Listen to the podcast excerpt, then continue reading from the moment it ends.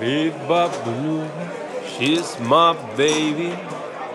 Biba Bulula, I don't mean maybe. Biba Bulula, she's my. Todo el mundo debe abandonar el local. Se cierra este café hasta nuevo aviso. Salgan inmediatamente. ¿Con qué derecho me cierra usted el local? ¡Qué escándalo! ¡Qué escándalo! He descubierto que aquí se juega.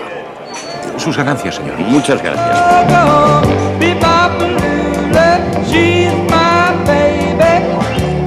Des de Casablanca, el podcast, no la pel·lícula, comencem la tertúlia del bar d'Enric.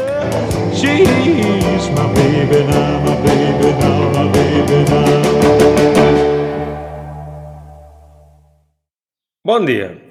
Veig que els diaris troben molt oportunista que Pedro Sánchez hagi convocat eleccions i hagi cridat a la unió de les esquerres.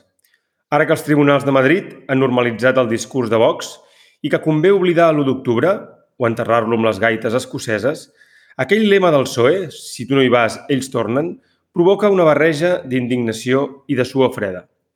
L'èpica del vell PSC ja no agrada com en els bons temps del règim del 78. Ara que Franco ja no sembla tan mort, mola més parlar de la Barcelona del sí i emocionar-se amb les vistes de Montjuïc. Fins i tot nostàlgics del comunisme, com l'Enric Juliana o la Juana Dolores, es preparen per ballar amb l'ultradreta. A mi Sánchez em fa pensar sovint en l'Oriol Junqueras. Fa les mateixes preguntes subliminars als seus socis de govern i a les elites del seu país i té la mateixa mala bava de marginat supervivent que el líder d'Esquerra. Junqueras sempre pregunta als convergents del grup Godó quin preu estan disposats a pagar per la sobirania. Sánchez sempre pregunta als patriarques del seu partit fins a quin punt Espanya és realment una democràcia. Sánchez va utilitzar unes primàries per enfilar-se al cim del PSOE i dominar la demagògia de Podemos. Junqueras es va entregar com un xaiet a la justícia espanyola per convertir-se en el virrei de Catalunya. Fins avui, tothom els ha escarnit, però ningú no ha pujat la seva aposta. De fet, ara ningú no sembla recordar com va arribar Sánchez al govern. Cap diari europeu ni català no sembla tenir present que Rajoy va caure perquè l'estat espanyol pogués dissimular la cara de Franco que li havia quedat després de l'1 d'octubre. La tossuderia dels catalans, més natural i menys heroica del que es diu, va deixar a tothom fora de lloc. Les promeses joves i guapes que Rajoy havia fitxat per poder competir amb els líders joves i guapos de la nova política feia mesos que s'havien venut els discursos populistes i el van deixar penjat. Saent de Santa Maria, que mantenia converses amb Junqueras i liderava el sector més refinat del PP, va quedar amb els pixats al ventre a punt de ser defenestrada. Feijó diu ara que l'error de Rajoy va ser tractar el problema català com un problema crònic, però ell sap que pot dir això perquè l'acord d'Espanya amb Brussel·les és que el control de Catalunya quedi a càrrec del conjunt d'Europa. La majoria d'europeus prefereixen ser un club d'estats que no pas una unió de ciutadans i per això l'ultradreta avança a tot arreu menys a Dinamarca, que abans que un estat és una tribu. A Dinamarca, i en general en els països escandinaus, els vincles de solidaritat entre els ciutadans no estan tan mediatitzats per la llei i per la propaganda i la democràcia no és tan feble. A Espanya, l'enginyeria demogràfica no ha funcionat tan bé com a França i Barcelona encara és massa catalana. Després de les porres de l'1 d'octubre i de l'aplicació del 155, Sánchez va obrir una segona transició amb el suport d'Europa que ara hauria de tancar la dreta espanyola.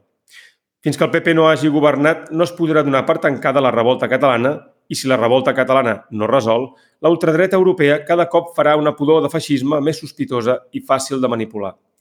A diferència de la resta de països europeus, Espanya no va ser desnazificada i els russos i els xinesos, i fins i tot els americans, sempre podran aprofitar la feblesa de Madrid per furgar a la rereguarda de França i d'Alemanya.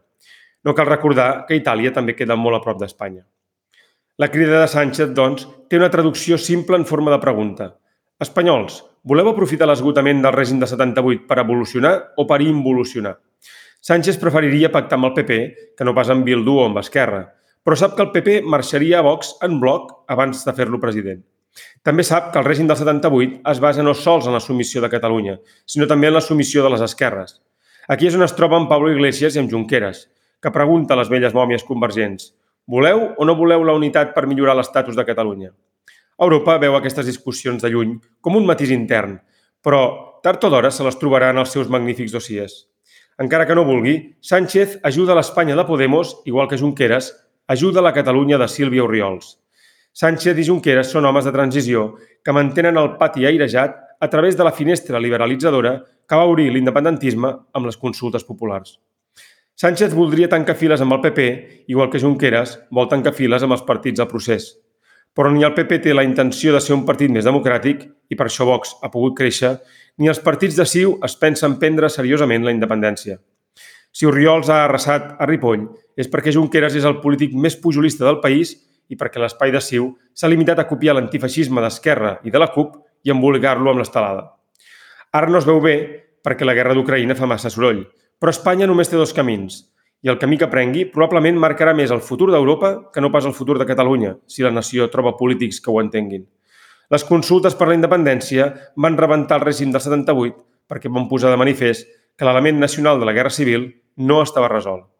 L'Estat intenta enterrar el conflicte amb els jutges i amb la immigració, igual que en el tardofranquisme i en la primera transició. Però així no resol res, només s'atura els nois de TV3 que tenen por de ser associats amb l'ultradreta, però no dubten d'adaptar-s'hi cada cop que els hereus de Franco els collen. Mentre Esquerra, Bildu, Podemos i Vox no trobin una manera democràtica de tractar-se i de superar el passat, tot empitjorarà a Espanya. A Brussel·les ja poden alimentar tot el bipartidisme i totes les reformes constitucionals que vulguin. Els partits de la vella CiU ja poden inventar-se quarts espais i filosofies pacificadores de saló. Europa sempre triga a reaccionar i de vegades, o sigui, quasi sempre, arriba tard, més tard que els americans. Estem sols, sols com Junqueras després de la fugida de Puigdemont i com ara la regidora de Ripoll. De l'espai nacionalista hauria de sortir algun líder polític ben format que no fos una secretària, però els hereus naturals de CiU han viscut massa bé per entendre que el pensament diplomàtic i el màrqueting polític de sempre ja no són operatius. Junqueras, més que Sánchez, vol mantenir les cartes sobre la taula, perquè com més temps les mantingui a la vista de tothom, millor es veuran les hipoteques monstruoses que tenen els actors de la pel·lícula. De moment, el seu millor aliat a Catalunya és l'abstenció, encara que el seu partit ho pagui. El pal de paller del país, el que va engegar el procés i ha tingut capacitat per marcar la diferència en els moments difícils, haurà de ser molt fort i tenir paciència abans no surti una opció política que el representi amb un mínim de bon gust i de justícia en aquesta lamentable cursa de sacs. Xavier, Xavier Robert de Ventós. Ai, Xavier Robert de Ventós, Xavier Bru de Sala. Eh, Comparats estem. Sí. Sempre deixes una finestreta per, per l'optimisme, per això.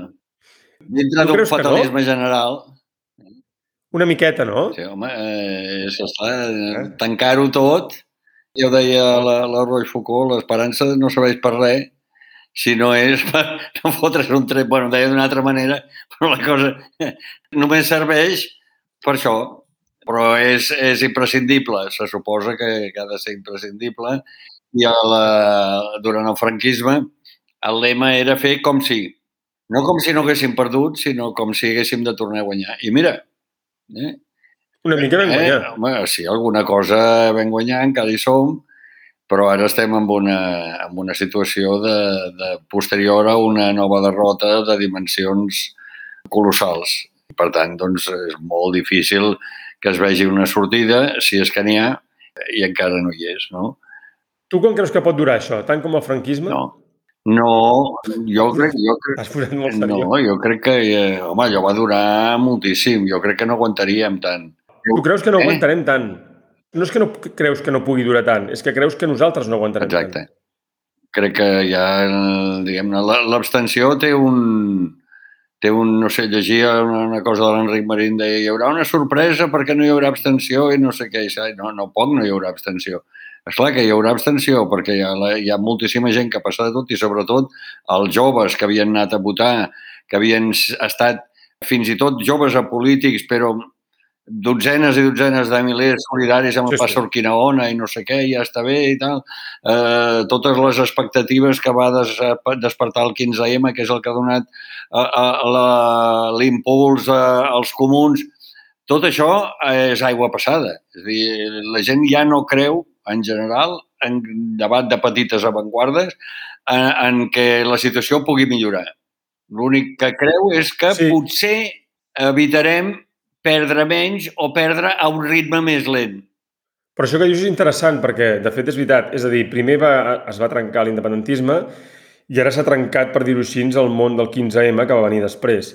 I, de fet, els diaris, eh, els espanyols ho repeteixen cada dos per tres, que el que s'ha tancat és un període, el període, ells diuen que va començar amb els indignats, perquè evidentment no poden dir que va ser el període que va començar amb les consultes populars, que són d'abans, perquè això, diguem, crearia problemes psicològics als seus lectors.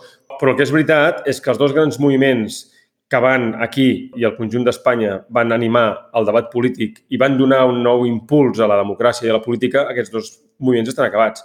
I, per tant, tota aquella gent que, com dius tu, tots aquells joves, que ja tenien una tendència a la politisme, a la politicisme, o sigui que jo ja ho he viscut, això. És a dir, a la meva escola, quan jo feia BUP i COU, els meus amics, la majoria eren polítics. El que, era més, el que estava més polititzat era jo, que era convergent.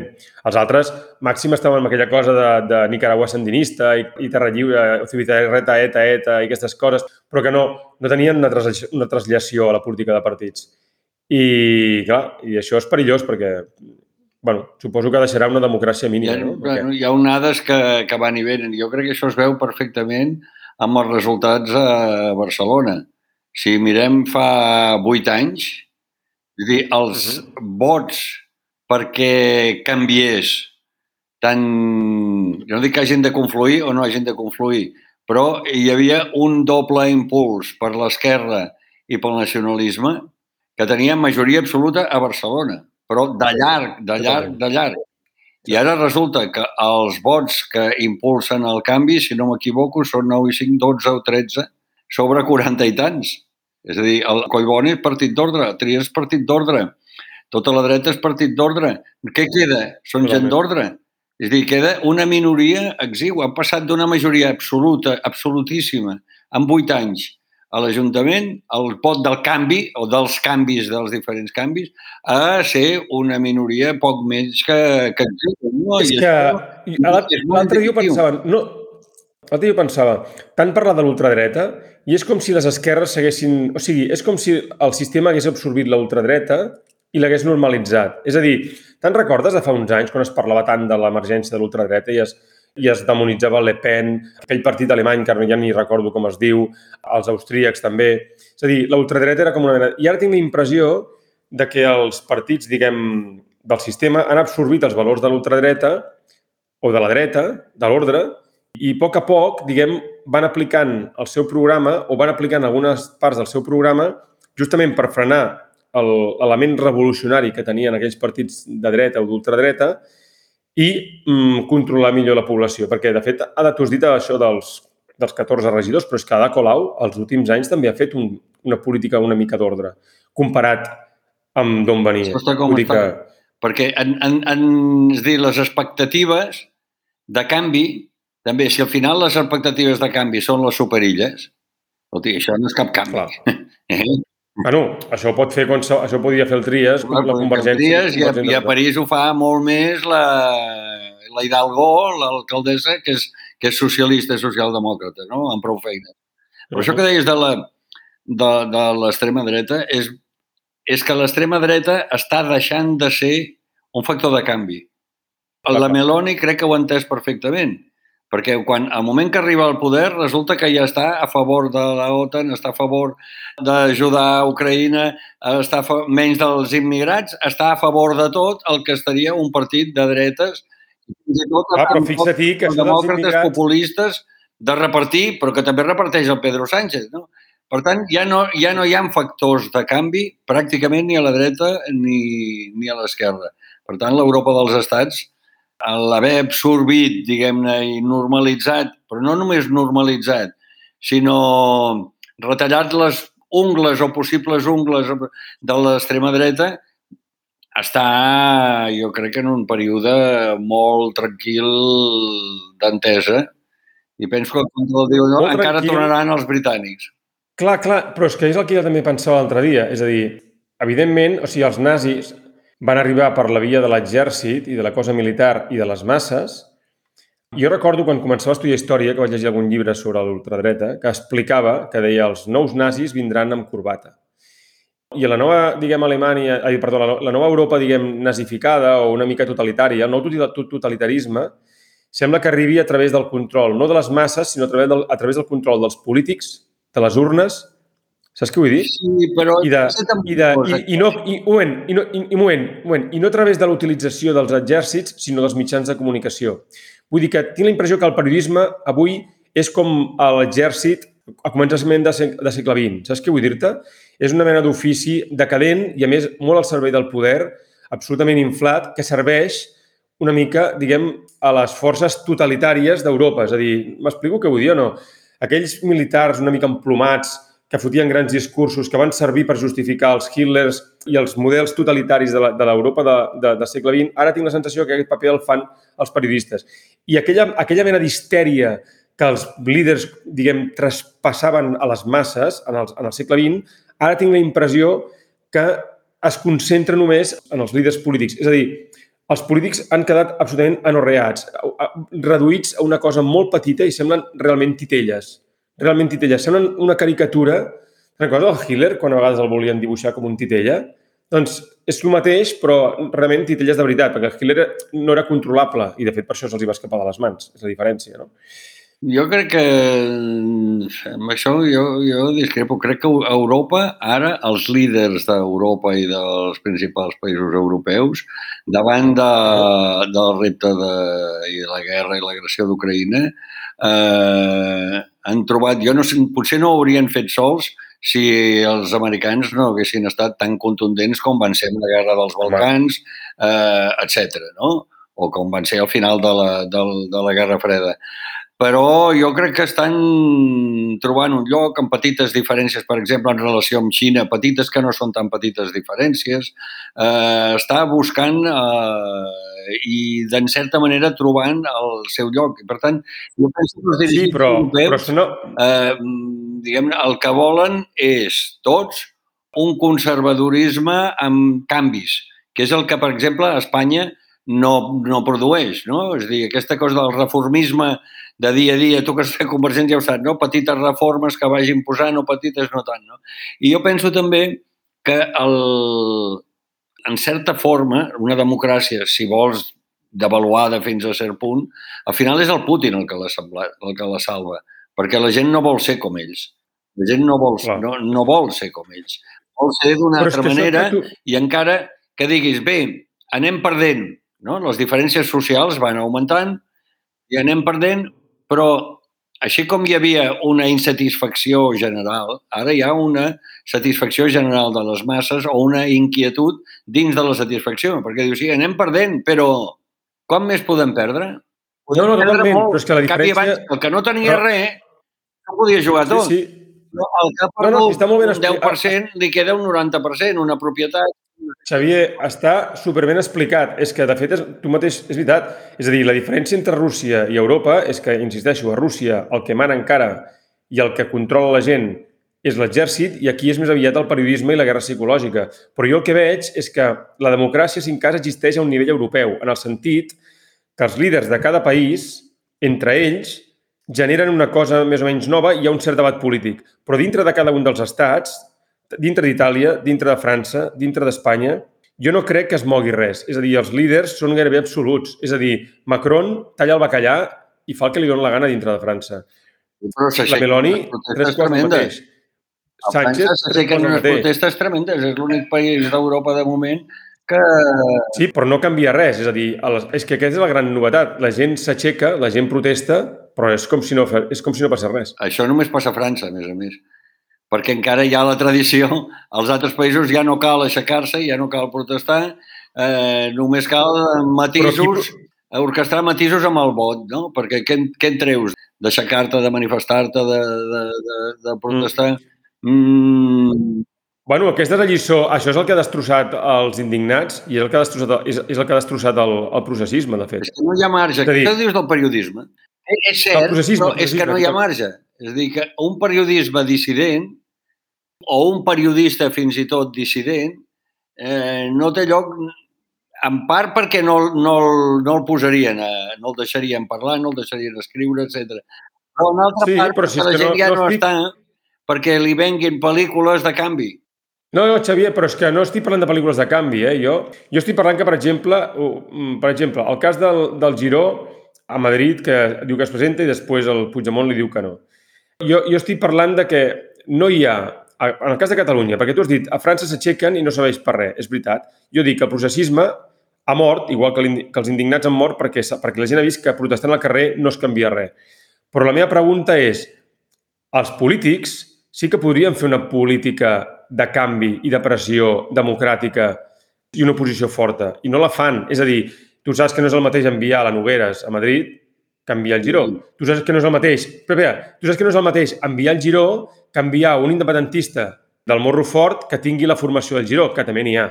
És a dir, tu saps que no és el mateix que si, que si Convergència volgués pressionar l'Estat a un nivell polític, ho podria fer, sense necessitat de treure la gent al carrer, perquè la política es pot fer. I el periodisme tu dius que no hi ha lloc, però tu ara mateix estàs aquí amb un Patreon, amb un podcast, que d'acord, té pocs subscriptors, 350, però té, però té la seva influència. I molts debats que s'estan produint a Catalunya van en part a remolc del que diem aquí a Casablanca. Alguna feina devem fer. Segur. No et diguem, Però- no dic que sigui amb la mesura de tot. No volem ser hegemònics. Saps què vull dir? Um, però vull dir que sí que hi ha un cert Clar marge. que hi ha un L'única cert cosa que dic sempre que... hi és un cert marge. Però aquí el debat a Catalunya ara és sobre el compliment del mandat, per dir-ho així. Els partits? El independentistes del tenen un mandat de canvi i no l'estan complint. Aquest, jo crec que aquest és l'únic debat que de tenim a? Catalunya. Perquè ningú acusa els partits d'esquerres de no complir el mandat de transformar. No? Ells van dir, nosaltres som una esquerra transformadora. Mm. Home, la, la de Colau ha pagat Eh? una mica, no? Bueno, això i La de encara ho pagarà més. És a dir, que això, els comuns quedaran... I tot això va a favor dels socialistes, perquè, escolti, per no canviar, però agafem...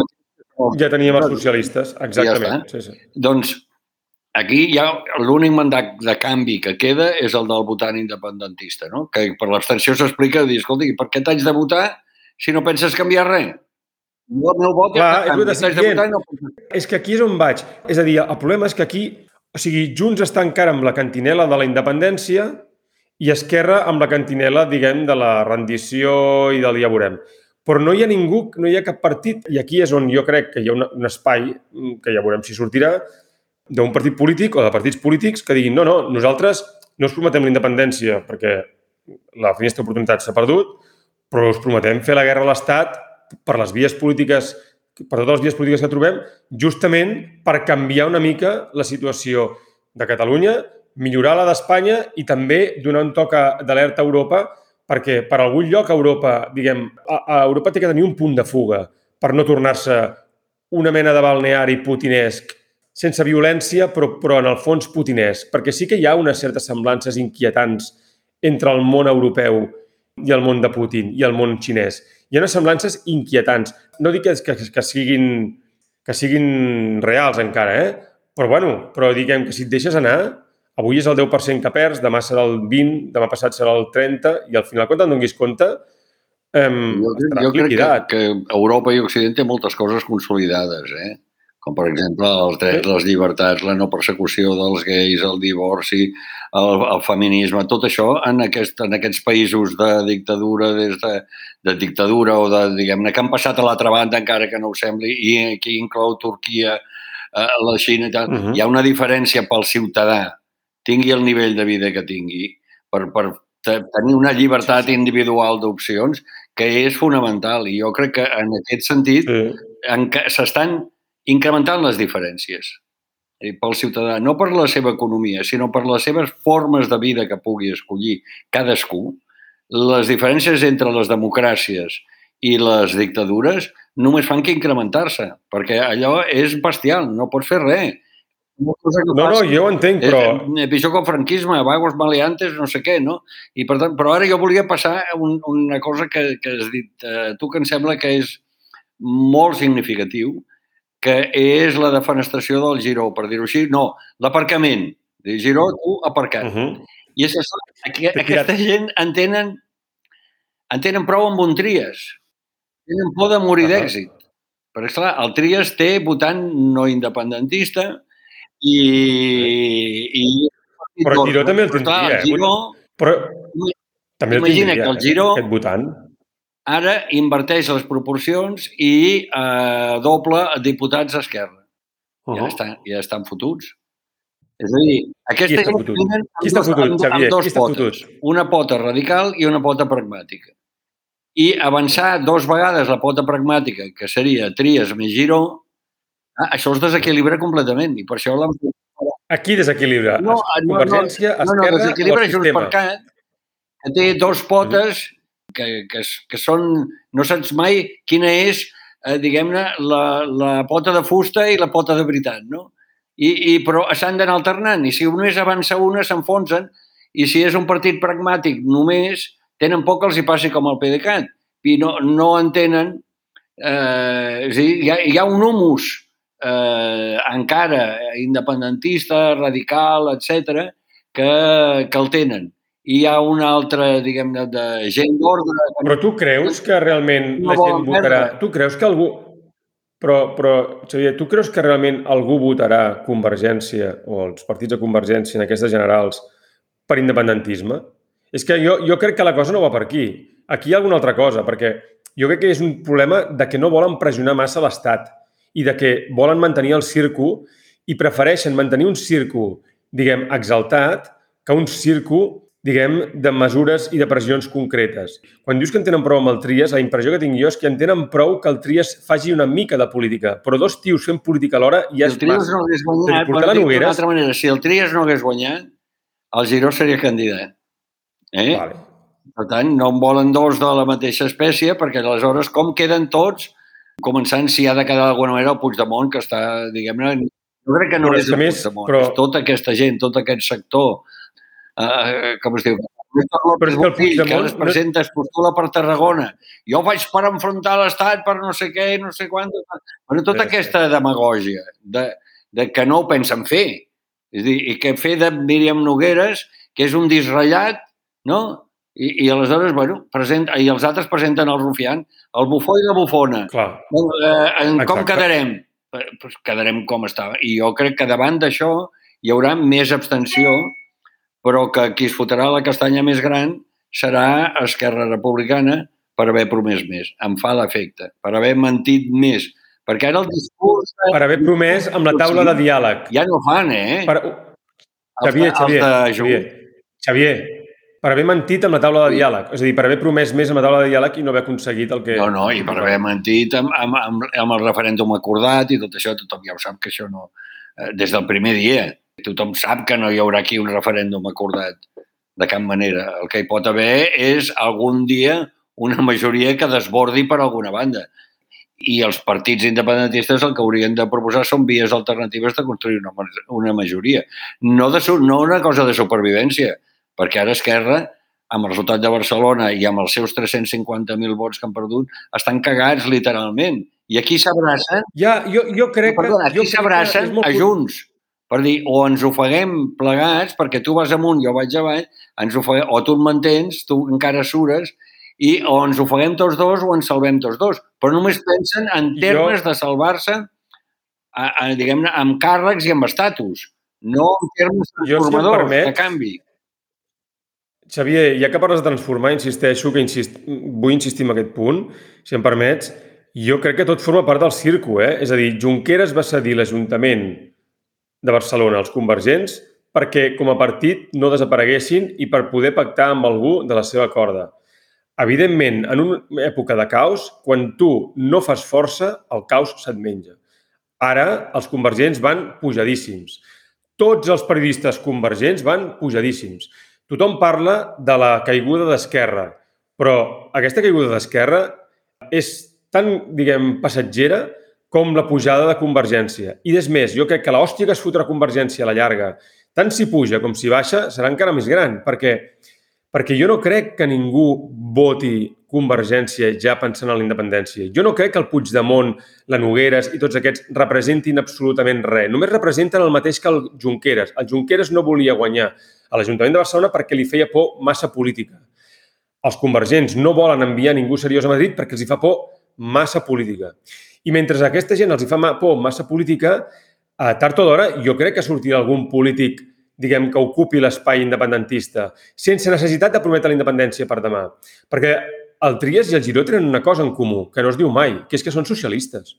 És a dir, el Trias i el Giró són de d'arrel socialista. Sí, és una No només socialdemòcrata, no sinó que gaire, tenen- Enric. Avui dia sinó que no té cap- simpatitzen amb el PSC de tota no la té vida. cap contrapartida ser socialdemòcrata. No, però el que vull dir-te és que no són convergents, no són els pujolistes que votaven... O sigui, el que vull dir-te és que hi ha tota una base del país, que és la base pujolista nacionalista, que es deixaria matar per defensar el que fos, del, relacionat, o sigui, per defensar la llengua per defensar la independència, que Pujol el sabia controlar bé i el sabia portar per aquí per allà, que amb el procés es van descontrolar i que ara no troben un lloc per anar. Això, tot això és veritat. Ara, si hi hagués un polític amb cara i ulls, saps com es podria muntar un procés de canvi i, i apro- i d'aprovació de l'Estat? Pues a través de la llengua. La, la llengua ara mateix és una cosa que no està controlada pels partits. És a dir, la defensa de la llengua és una cosa que no està controlada pels partits, que els partits hi han fet tanta demagògia que ja no són creïbles, però que, en canvi, és una realitat política innegable. El que vull dir és que hi ha tot de, hi ha tot d'elements polítics en estat larvat real que estan creixent com un, eh, de manera descontrolada com una selva que cap polític agafa i que això tard o d'hora, una, ens pot patar sobre, el- eh, ens patarà, ens patarà, ens pot patar sobre nosaltres, però també els espanyols, també els europeus, i evidentment això acabarà fent mal a Convergència més que Esquerra, perquè Esquerra no deixa de ser el partit dels pobres. Esquerra no deixa de ser el partit que reparteix... Perquè el, el discurs de Junqueras des, de, des del, després de l'1 d'octubre ha sigut bàsicament de dir eh, aquí ningú passarà gana, saps? O sigui, eh, tots més o menys ens en sortirem. I de, dir, i de repartir els col·lectius d'immigrants, de repartir en els, el, el que ells diuen els febles. M'explico què vull dir? Sí.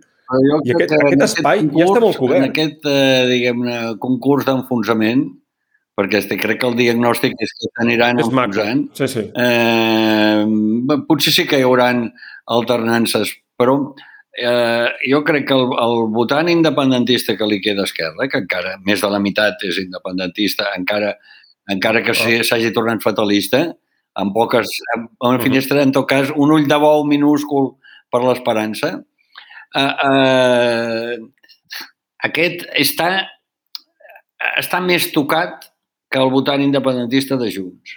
Està més tocat Vale. perquè eh, Per què? veu que, que l'han enganyat molt. I la, que de moment, d'una manera molt conjuntural, eh, salva Junts o rela, salva relativament, és que han deixat de fer un discurs triomfalista. Han deixat de fer un discurs que va a alguna banda, per dir-ho d'alguna manera. No? Recordem Per tant, tenen anys un han passat eh, que estem a l'últim campament i només falta assaltar el cim i no el surrender, eh, dir que Mhm. ens hem d'enfrontar amb l'Estat, que no s'hi enfronten, però eh, eh, hem de mantenir la radicalitat. I quan diu hem de mantenir la radicalitat, això ven amb un públic. Ah, és veritat, això ven. Per tant, això penso que és un actiu que té Junts, Però això no creus que ajuda... que, la, que s'anirà desactivant. Perquè Junts l'activa de que- manera que- electoralista, però no l'activa de manera Però política o estratègica. Clar, clar, clar. És que jo no, tu no creus que aquesta cosa de hem de mantenir la radicalitat, al final el màxim beneficiari serà Aliança Catalana o algun d'aquests partits tan radicals? No, perquè hi ha vacuna, Perquè Enric, hi ha molta mantenir- vacuna contra aquesta cosa, que és el, de, el millor Sí? potser que ha fet TV3, que és Sí. com la caixa, que ningú, que hi llet per tothom, que ningú passi gana, que el català és el més solidari pel món. Llet per Escolta, tothom. entraves a la caixa fins fa dos dies i hi havia uns grans cartells que deia que portis un tetrabric. Però sembla que si no pots... Però és que això s'acaba, eh? Estava fent la campanya dels És que això Junqueras. s'acaba. Però és que això s'acaba, eh? Això s'acaba i la gent ho nota. És a dir, el problema del que jo veig és que la gent ha passat amb 5 anys de creure que tenia la independència a tocar a creure que, que desapareixerà en una generació. I clar, jo ho entenc. Ara faran, per exemple, alcaldessa, ai, faran presidenta del Parlament l'alcaldessa de Vic. A Vic hi ha més naixements estrangers que de locals. Un moment, la crida de la immigració a Vic l'han feta empresaris convergents. Mentre els estaven venent una cosa amb una mà, amb l'altra els estaven fotent, diguem, Jo el freno, diguem, per sota. Enric. Però no hi ha... Eh, això és un factor que, que l'independentisme no s'aixecarà en contra. Ho farà eh, i jugarà i tal, perquè, perquè hi ha països on sí que la solidaritat interna, això que deies abans, funciona. Hi ha altres països en què, diguem-ne, els interessos de, de les classes populars, de la gent dels immigrants i tal, diguem, són de surar, de sobreviure, de, en, en molts casos de poder mantenir d'alguna forma la seva identitat, o en molts casos o majoritàriament, però no són tampoc les de fer soroll ni canviar, ni, ni, ni canviar res. És a dir, la pau social a Vic ha estat increïble, encara que vaig neixin més. Sí, I en canvi, no, no, i a Ripoll i és que- tot s'explica perquè allà van sortir, el de l'imam van sortir aquest, aquest radicalisme i a Ripoll estan espantats, però jo no crec que això es pugui, es pugui estendre. El mateix eh, Albiol tampoc està, està, està fent eh, un discurs eh, Le Pen en, en, en sentit. No, però fixa't una cosa. No és, però és molt interessant, Xavier, Xavier, Xavier. Però l'Albiol, fixa't una cosa. L'Albiol ara parla català Clar. molt més, es dirigeix molt més als independentistes, espera, espera, espera, però vull dir que fa un discurs identitari. I els hi diu, com si no hagués passat res en aquest país, em, jo, mm, vull dir, l'única cosa que no ens posarem d'acord serà amb el tema de la independència. Però què vull dir? No, però jo no dic que la, hagi d'haver-hi un moviment racista o antiimmigració violent o, diguem, de caires ultradretans. Jo el que dic és que això dona una consciència en els catalans de que estan en perill, que tornaran, al, jo crec, eh, al mode pujolista, que és la voluntat, la, la solidaritat tribal entre els que encara són, diguem, de socarrel i el proselitisme envers l'estranger. Però en, però en una clau molt més dura i molt menys frívola, em sembla a mi, molt menys frívola que la de Convergència, de tant la, la, dels, la, la, dels, la dels nans i els bufons, és a dir, de les Nogueres, com la dels socialistes, o diguem, o els pragmàtics, que són els, els Girós i els Tries. Jo crec que cap d'aquestes dues bandes de, del món convergent serveixen per respondre a les inquietuds dels catalans que venen del món pujolista.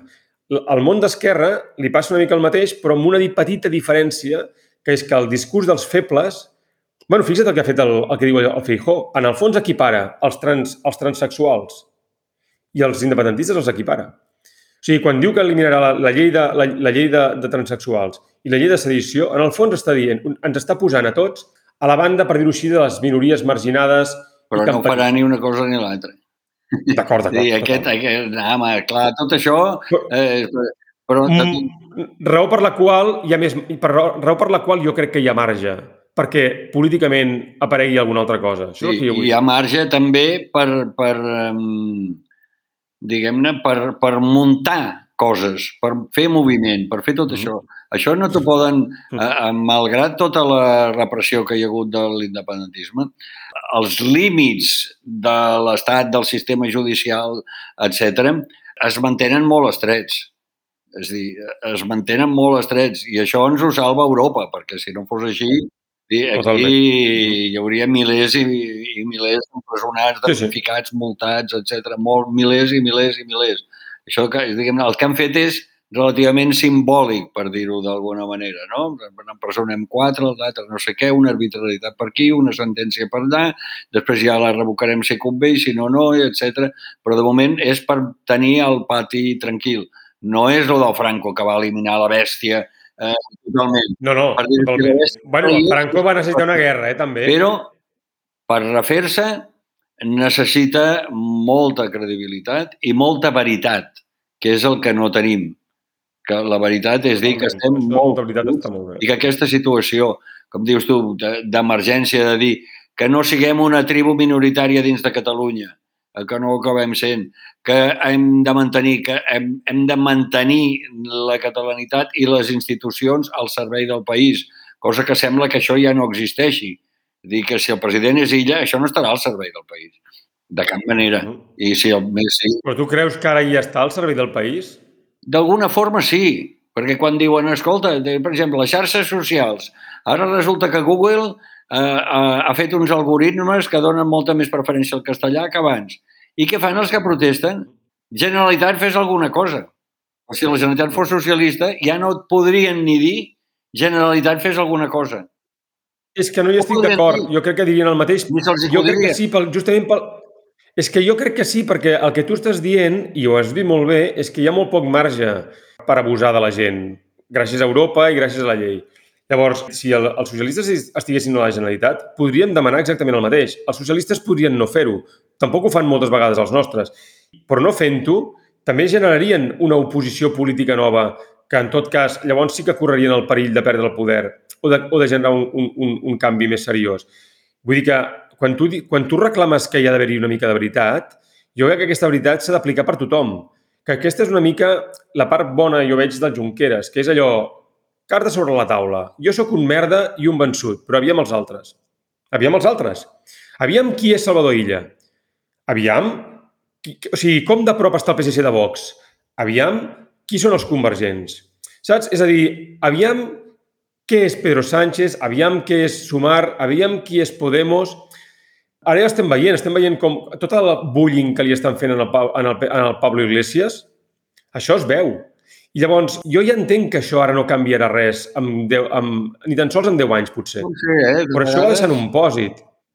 Vegades això, però vull dir que- les cristal·litzacions no se sap mai quan es produeixen Tens raó, ni com es raó, produeixen tens i raó. pensa, hi ha una cosa que és que el fatalista, que és la majoria de... tingui finestra d'esperança o no, el fatalista Sí. té pressa. No s'ha de No, tenir però té pressa. pressa en el sentit històric, no en el sentit d'avui per demà. Però en el sentit Mm. històric sí, perquè sap que si passen 20 anys o 30 anys, després això serem minoria eh, pràcticament segur, perquè Catalunya ja no és una fàbrica de fer catalans. És el que, No, no, no, el que era i el que ens ha salvat identitàriament durant, com a mínim, durant els segles XIX i la primera meitat Sí. del XX, no? Doncs això ja no, ja, no, ja no és una fàbrica catalana. Fabrica catalans, però no en sèrie ni en massa, com havíem fet eh, en el passat. Però quan et deia allò del Pablo Iglesias, el que vull dir és que jo també veig una cosa, que és que mentre... El, el, I això jo crec que ha passat a tota Europa. Mentre els països europeus, els, la política va cap a un costat, a sota van bullint altres coses. I això també cristal·litzarà d'alguna manera o altres. I tard o d'hora, a Espanya s'ha polit la generació més ben formada de la història, que és la que va néixer als anys 70, se l'ha polit tota, políticament. No, no queda ningú. Queda el Pedro Sánchez, que ja m'entens, que és, era el més dolent de tots. Llavors, bueno, mm, quan tu dius veritat, jo crec que la veritat s'ha d'aplicar a tothom, perquè si no, no funcionarà. Llavors, però No ja entenc que una altra cosa gent, és hi ha que... gent, és a dir, hi ha països, entre ells Espanya, eh, Turquia, Itàlia, eh, Rússia, el Regne Unit, França, que estan orgullosos del seu passat. I aleshores el passat opera, diguem-ne, com un factor de seguretat psicològica i de cohesió de tribu. I hi ha països, com Alemanya i Catalunya, i probablement Suècia i altres eh, països escandinaus, etc, que no estan gens orgullosos del seu passat. I Ja. això és una diferència que jo crec que és, que, que és molt important. El secret de- d'Europa, el més important, és que Alemanya va girar com un mitjó. És a dir, Alemanya va vomitar el seu passat sobre si mateix i encara ho van fent perquè no fos cas. I és el país on hi ha el cordó a l'extrema dreta justament per això, etc etc. no? Això abans parlàvem, de, parlàvem de, de la guerra d'Ucraïna. No creus que això també té una data de caducitat? Perquè també és veritat que a Alemanya s'ha començat a posar amb el tema de, militar. I també és veritat de que les exportacions alemanya, alemanes a Xina pateixen molt més que les exportacions franceses a Xina. Perquè França exporta luxe. Alemanya exporta tecnologia que els xinos poden replicar. I els alemanys són bons fent armes, perquè ens entenguem Molt. que no deixin de fer cotxes i es posin a fer, es posin a fer tancs. No sé si m'explico. És a dir, no tinc tan clar que aquesta mena de culpa de la qual parles i que tens tota la raó que ha marcat la segona meitat del segle XX hagi de durar sempre. I tampoc tinc clar que aquesta, aquest autoodi català també hagi de durar sempre, perquè jo el que veig és que mentre hi ha aquesta capa d'autoodi oficial, en el país van naixent, llo, van naixent grupuscles que no tenen aquest autoodi i a més que tenen un coneixement de les coses molt més fort. És a dir, a l'any 70 jo recordo un reportatge que vaig veure a la televisió espanyola d'un senyor que anava, anava per la Rambla preguntant qui era Pompeu Fabra. Això devia ser l'any 76, 77, 77. Ningú sabia. Clar. Bueno, clar, però és que ara sí que ho sap molta gent. Però Ho saben molts catalans. jo no crec que... Llavors- És a dir, la idea aquesta de l'autoodi, això és només, aquest concepte només serveix, diguem-ne, per qualificar o menys tenir el català que pensa eh, que s'està millor al servei d'Espanya que, el de, que el del futur de Catalunya, per dir-ho d'alguna forma. Uh -huh. Aquest, aquest té Mhm. autoodi. Però, en canvi, el català, el Bueno, però jo català no ho deia en aquest sentit, jo. el català independentista, no en té cap d'autoodi. No en té cap d'autoodi. Al revés, si, si tu tens autoodi, mm, et dilueixes. I jo, jo crec que Però és que això és el que està... Però és que això és el que està... consciència, diguem-ne, de derrotats permanents i resistents. Uh -huh. I això és el- és, Val, és l'únic, eh, diguem-ne, ferment o llevat que hi ha a Catalunya eh, en aquest moment. Vols dir que tot s'ha de construir sobre la, sobre la consciència de la derrota? A partir d'aquí. Com el Pierre Vilar assegurava i probablement demostrava que va ser després del 1714 quan va començar el ressorgir econòmic de, de Catalunya. I jo que havia parlat també bastant eh, amb, amb, el, amb l'Helio, l'historiador de la Guerra dels Segadors, que tenia la tesi que deia clar, el Catalunya es va pensar que havia guanyat la Guerra dels Segadors quan li van mutilar la cinquena part del territori i les institucions van passar a ser una cosa molt poc, eh, diguem, com una carcassa. La seva paraula era, en català ho deia, una carcassa.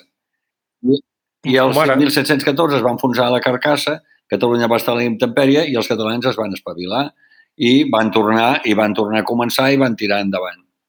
I, Clar, però això, això, això, això és contradictori amb el que No. estaves dient, però és que és això és el que jo penso. No, perquè llavors, si, la, si les institucions que tenim ara autonòmiques són una carcassa, jo crec que també s'han de veure com el que són. Perquè si no, correm el risc de que ens passi... I jo això hi penso molt. Sempre ens foten amb dos cops. El primer ens, ens, ens estaborneix, Guerra dels Segadors, el segon ens tomba. El primer ens estaborneix, assassinat de Prim i Primera República, el segon ens tomba, Guerra, Guerra, Segona República i Guerra Civil. Jo crec que aquesta vegada hem rebut una hòstia. No cal que rebem la segona. I hem de dissoldre la Generalitat. No, no, no, no, no dissoldre la Generalitat. No, no, no, no, no, no, no.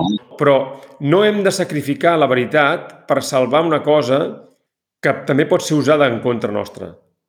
És a dir, no, no et dic que l'haguem de sacrificar. Si l'han de sacrificar, que la, la sacrifiquin els espanyols. No? O sigui, nosaltres hem de fer, senzillament, comportar-nos com el que som, catalans i, i, i demòcrates, i a partir d'aquí posar un No, estàndard... I a i aquest hi ha una altra estàndard- cosa, que és que el catalanisme, en el sentit ara, diguem-ne, l'independentisme, s'ha de erigir i demostrar que és el que defensa la millora econòmica de Catalunya. Totalment. Això totalment. Clar, clar, clar. Sí, Això sí, jo això no totalment. sé qui ho està fent i qui no ho està fent. No, això, no perdó, però ningú. jo no... no que... No, Ah. és que jo no em vull ficar medalles, però vull dir que això ho feia el, el, el, el Primàries, el Grau Pere i tot, i tot l'equip. Pues Érem això els que no ho estàvem dient. demostrar Van ser els si no que ho vam tens un dient. lloc de, de poder que administres. No, és evident, és l'Ajuntament de Barcelona, en mans, en mans de Junts, serà, s'erigirà en motor econòmic de Catalunya exigint tot el que convé i el que fa falta? O farà la Tu viu que tenen- eh, parlant del tramvia en comptes de parlar de l'aeroport, de Rodalies, del gran eix mediterrani, tot, aqu aquestes són les qüestions. Mentre estem parlant del tramvia, que tenen... l'hem cagat. Perquè el tramvia no té creus- cap importància, com no té cap importància Xavier, el tu creus que els... Tu, el futur econòmic. tu creus que tu creus que l'equip de Tries està pensat per impulsar Barcelona? Jo tinc la sensació de que tot està pensat per la pacificació i la pacificació implica que Barcelona mantingui un perfil Però una, discret. jo crec que una cosa no treu l'altra, perquè hi ha, hi ha un, un consens molt difús, però que hi és, com el Barça, de Barcelona com el Barça. Ho hem dit, tu pensis d'una manera, pensis d'una altra, el que no podem és uh. -huh. perdre la cursa de les megàpolis, perquè si no, això ens afecta a tots, rics, classe mitjana i, i pobres. No la podem Totalment. perdre. I aquest discurs no el fa ningú. I aquest discurs, si el fes l'independentisme, es reforçaria moltíssim. Clar, clar. Encara que Però- però és que escassos aquest resultats, discurs- perquè ja sabem que, Però que és que dis- és el que té clar. la paella pel mànec i, i, i Però és que aquest discurs, jo, aquest discurs ja el feia l'independentisme fins i tot a pesar del Xavier Trias. Xavier Trias és el senyor que el, 2000, que, que el 2015 va preferir parlar de la Barcelona dels pobres que parlar de la Barcelona global.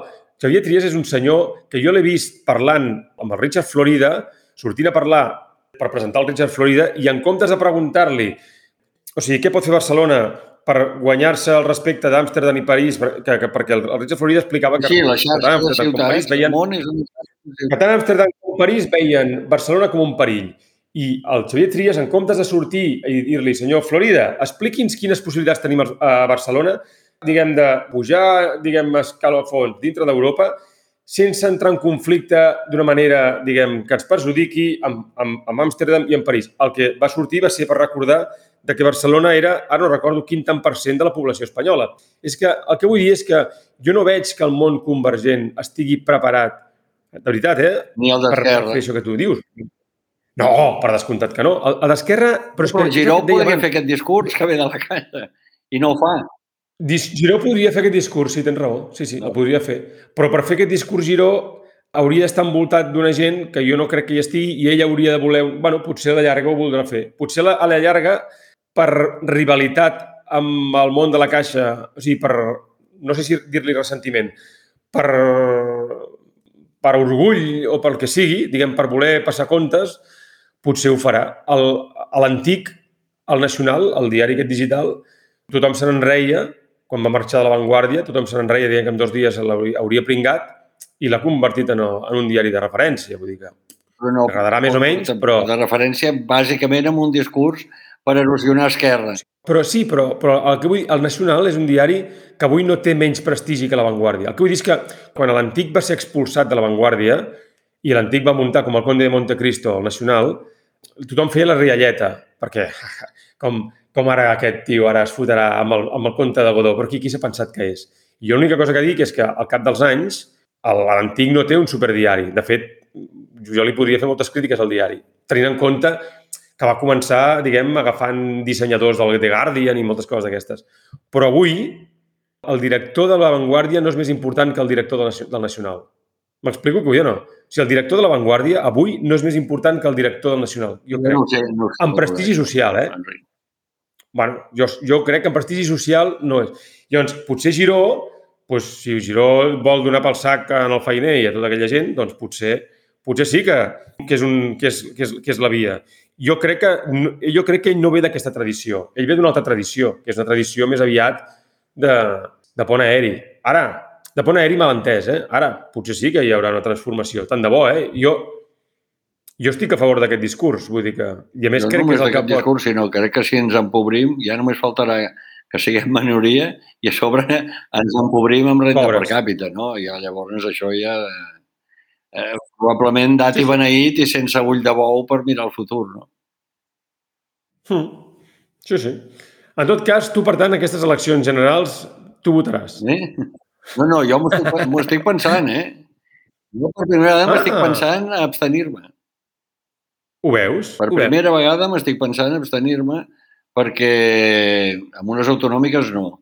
Les autonòmiques mai perquè sempre penso que aquesta carcassa, Mm. com a mínim, que estigui en mans amigues que no en, en, en mans que volen dissoldre eh, el, el que ens quedi, no? Que és l'illa. I, no, I abans el PSC tenia dos cares, tenien, ara només en té una de cara, que és la de Ciutadans eh, amb un somriure, però no és una, no és una altra cosa. Vols que et faci una teoria? Potser és el gran Vols que perill una teoria, un que moment? tenim és la onada socialista que encara incrementarà. Potser a Catalunya els socialistes faran el seu millor resultat o molt a prop del seu millor És resultat. igual. Xavier, Xavier, Xavier, et puc fer una teoria? Sí, Així, sí. ja que per lligar-ho amb tot això de la carcassa i del Pierre Vilar, jo sempre he pensat Oh, que encara era de. 1714... Sí, sí, la carcassa, de la, la, la, la paraula era l'Eliot. Jo sempre he pensat que el 1714 el va muntar el PP català. Sempre ho he pensat. Que, el, que la Guerra de Successió va ser una història del PP català. Llavors, el que jo no vull és quan el PP català, en aquest cas el PSC català, monti el pollastre en Madrid, jo no vull estar pel mig. Jo crec que els catalans no hem d'estar pel mig. És a dir, aquesta vegada la carcassa se la poden fotre per on els hi càpiga. Jo, jo ho veig així, però, d'acord, de moment ens quedem en què t'estàs plantejant l'abstenció i que la Generalitat, tu dius que no, que no t'abstindràs, però mai se sap. I jo l'única cosa que dic és que a vegades deixar aire o un espai perquè passin coses és com una relació, saps? Quan una relació refreda, si la intentes, diguem, rescalfar ràpidament, En altres paraules, la teoria possible- de tocar fons. Quan estàs, et foten en una piscina i estàs uh, ofegant-te, el millor que pots fer és tocar fons per impulsar-te amb el peu i arribar a la superfície.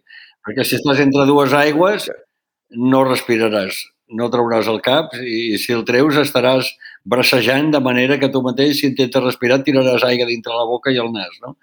Mm, Exacte. és una teoria arriscada. Jo l'he practicat, eh? Amb la meva Ah, sí, vida aviam, personal, explica això, explica això. Però Ah, i ha funcionat, però és molt arriscat. Veus? Bueno, has de saber... Has de, o sigui, has d'estar segur que hi ha fons. I que tocaràs. I que podràs impulsar. Exacte. Exacte, exacte. Que no sigui exacte. deia l'Estapé, Però- que li van dir, oiga, ¿es verdad que la crisis ha acabado? Eh, como dice el ministro que hemos tocado fondo, digo, sí, es absoluto, el ministro tiene toda la razón, hemos tocado fondo, pero ahora empezamos a escarbar. empezamos a escarbar. doncs, eh, que no ens... Bueno, de fet, està bé que em diguis això perquè ara per, per acabar-ho i així donar un toc així una mica més divertit al, al podcast, um, del llibre aquest que vull intentar escriure, aquest de l'ull per ull, l'altre dia pensava justament en tu perquè vaig estar, bueno, tinc, estic pensant un pròleg i, i volia explicar la idea aquesta de, de justament quantes capes per sota, no per dalt. És a dir, com que hi posaré tots seran noms concrets, és aquesta idea de, de quan no pots sortir per dalt, surts per baix, Bueno. saps? Quan no pots sortir... I, i el, això del túnel que has dit, això de que empezamos a escarbar, no em sembla... El problema sempre és el mateix, és no perdre l'orientació. A, mi el que, a mi el que em fa més por de cara als propers anys és que el país o l'opinió pública del país perdi l'orientació. Perquè tota la, jo crec que tots els desastres a Catalunya han vingut per, per la desorientació de l'opinió pública, per manca d'una opinió pública una mica orientada. Crec, eh, tant la Guerra Civil com la Guerra de Successió, com la Guerra dels Segadors, com... bueno, no sé, I em fa la impressió de que ara, com que la guerra és molt més d'informació, mm, aquí... mm, Però bé, um, ho anirem, ho anirem comentant. Ho anirem comentant. Queda clar que el Xavier és pro-Giró? Queda clar? Queda clar que no està gens d'acord que el Puigdemont se l'hagi patat o, diguem, que no l'hagi volgut portar a Madrid? Una pregunta, tu creus... Home, si, podria és, que perdona, Giró si hagués un giro a Esquerra Republicana, també seria partidari, eh? I jo, Miquel Puig, però per què no porten un... Per, què, per exemple, per què no envien Miquel Puig a Madrid? no ho sé, perquè els altres no envien el Giró, perquè volen això, volen un discurs de, de bufó, de pallasso, un discurs ratllat i que no molesti. Eh, eh, tant si hi ha per negociar com si no hi ha per negociar. Que en aquest sentit potser han après de Pujol que el Roca eh, es va erigir amb un líder alternatiu, no? Eh? Fins que se'l va haver de carregar i es van enfrontar. I llavors, mentre a Madrid hi hagi mindundis, doncs aquí estaran tranquils. Perquè podria Per ser la tant, forja d'un líder, aquest- no? Per tant, aquests rumors que diuen aquests rumors que, deiu, que deien que Esquerra i Podemos tenien un pacte o estaven negociant un pacte amb el Pablo Iglesias, tu ho veus absolutament impensable. Ni penso ni deixo de pensar. No, el d'aquí a les generals, bueno, plan. sempre és el mateix. T'abraces per sobreviure, per intentar sumar, per maquillar... Però no és estratègic, això. No té res... Bueno, és estrat seria estratègic en el sentit en el sentit que Bildu, Podemos i Esquerra són tres partits anticonstitucionals repartits per Espanya. És a dir, és una forma de repartir l'anticonstitucionalisme per Espanya. Cada vegada que Fireta, aquests comentaris, el Xavier mira amb un somriure, amb un somriure que Jo crec que és de fireta, eh? Sí. És de fireta, però l'altre encara és més de fireta. Jo el que dic és que... eh, Vull dir que... El que és cadascú té la seva barraqueta, home. Jo crec que Podemos hi sortiria perdent perquè hi ha molt nacionalista espanyol que vota Podemos. Sí, però estan a punt de desaparèixer. És que, és que no... Llavors és que els bombin, tu. En fi. Sí. Bueno, escolta, com sempre, plaer, eh, un plaer. Moltes gràcies, Xavier. Eh, M'aturo aquí l'enregistrament. Fins la propera. Play it, Sam. Play as time goes by. Oh, I can't remember it myself. I'm a little rusty on it. I'll hum it for you. Da-da-da-da-da-da. Da-da-da-dee-da-da. Sing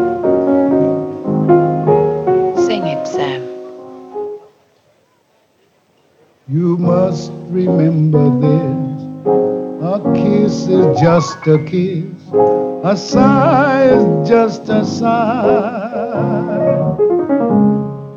The fundamental things apply as time goes by.